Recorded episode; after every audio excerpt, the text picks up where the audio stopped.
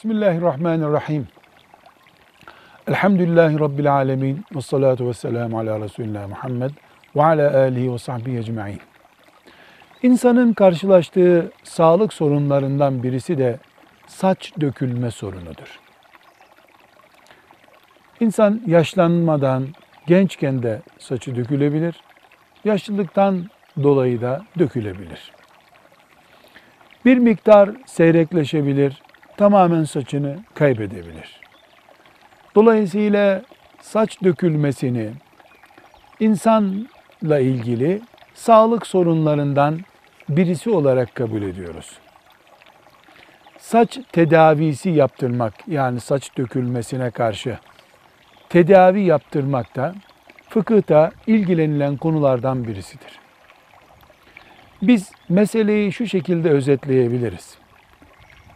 Bir insanın saçının yaratıldığı tarzı değiştirmesi, mesela saçının kıvırcık ya da sert mizacını yeniden söktürüp filan türden saç yaptırması caiz değildir. Çünkü bu bir tedavi değil, ek güzellik temin etme gayretidir. Ama saçı dökülmüş bir Müslüman tıbbi yöntemler kullanarak saç ilaçları vesaire kullanarak tedavi olabilir. Bunda hiçbir sakınca yoktur.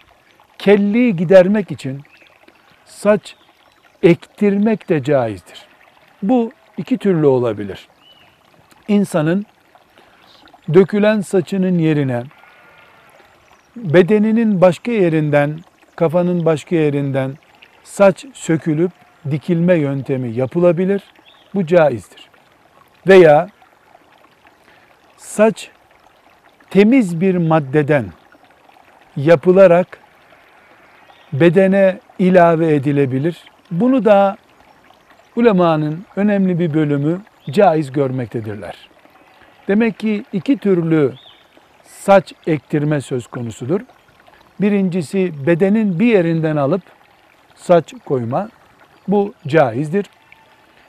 Temiz bir maddeden, bu temiz madde çok önemli.